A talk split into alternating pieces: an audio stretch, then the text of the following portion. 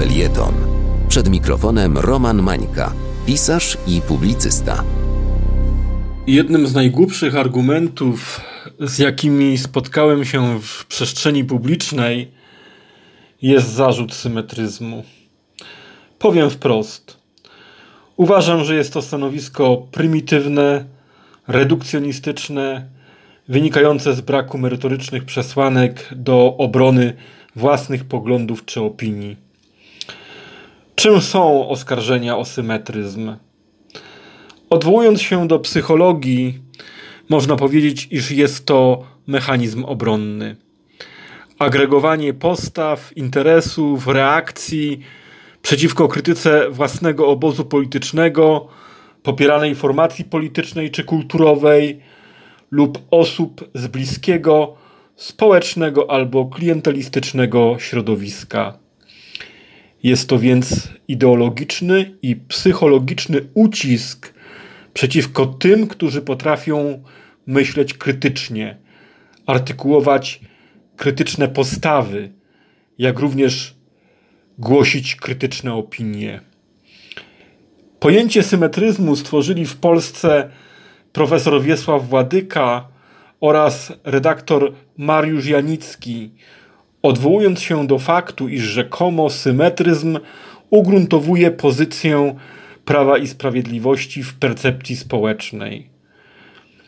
To jest bardzo kontrowersyjne, destruktywne założenie, w ramach którego uczciwi publicyści mieliby zaniechać krytyki błędów, wypaczeń, przewinień oraz afer Platformy Obywatelskiej, żeby nie wzmacniać PiSu, a mówiąc w nieco szerszym kontekście, rządzącej Polską Zjednoczonej Prawicy. Co za bzdurne, idiotyczne założenie.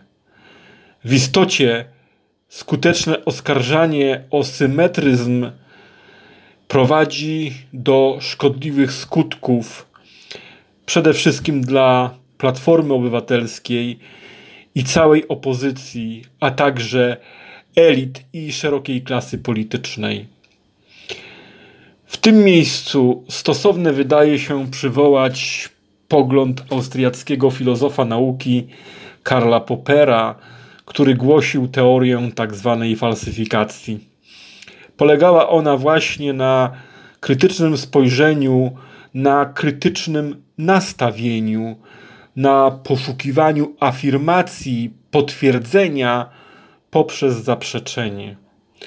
Popper zalecał, aby pierwszym krokiem do potwierdzenia określonej teorii naukowej była próba jej zaprzeczenia, czyli falsyfikacji, czy mówiąc jeszcze inaczej, weryfikacji. Gdy falsyfikacja wypadała dla konkretnej teorii lub danego twierdzenia pozytywnie, a zatem gdy nie udawało się jej podważyć, wówczas zaczynała oficjalnie obowiązywać. Podejście krytyczne jest nie tylko najwyższą wartością w nauce, lecz również w polityce, w życiu publicznym oraz społecznym.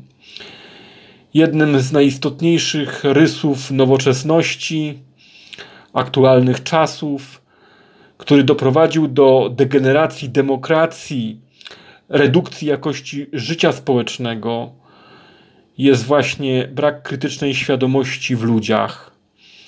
Tak uważa niemiecki filozof i socjolog Jürgen Habermas, twórca teorii racjonalności komunikacyjnej, według którego nie osiągnęliśmy stanu rzeczywistości deliberatywnej, lecz cofnęliśmy się w jakiś sposób do kultury reprezentacyjnej, w której istnieje jeden monarcha, jeden król, jeden mówca, jeden przywódca, jeden dwór, a zatem stanu bardzo dalekiego, jak to definiuje Habermas, od idealnej sytuacji mowy tak pożądanej dla systemów demokratycznych.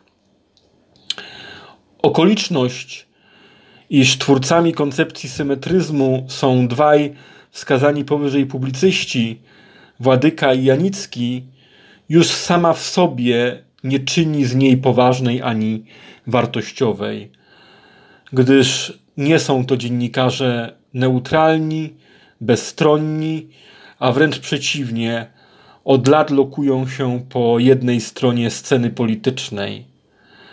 Strasząc zatem symetryzmem, tak naprawdę występują w obronie swoich, czyli bliskich sobie polityków, dziennikarzy, przedstawicieli elit, ludzi biznesu.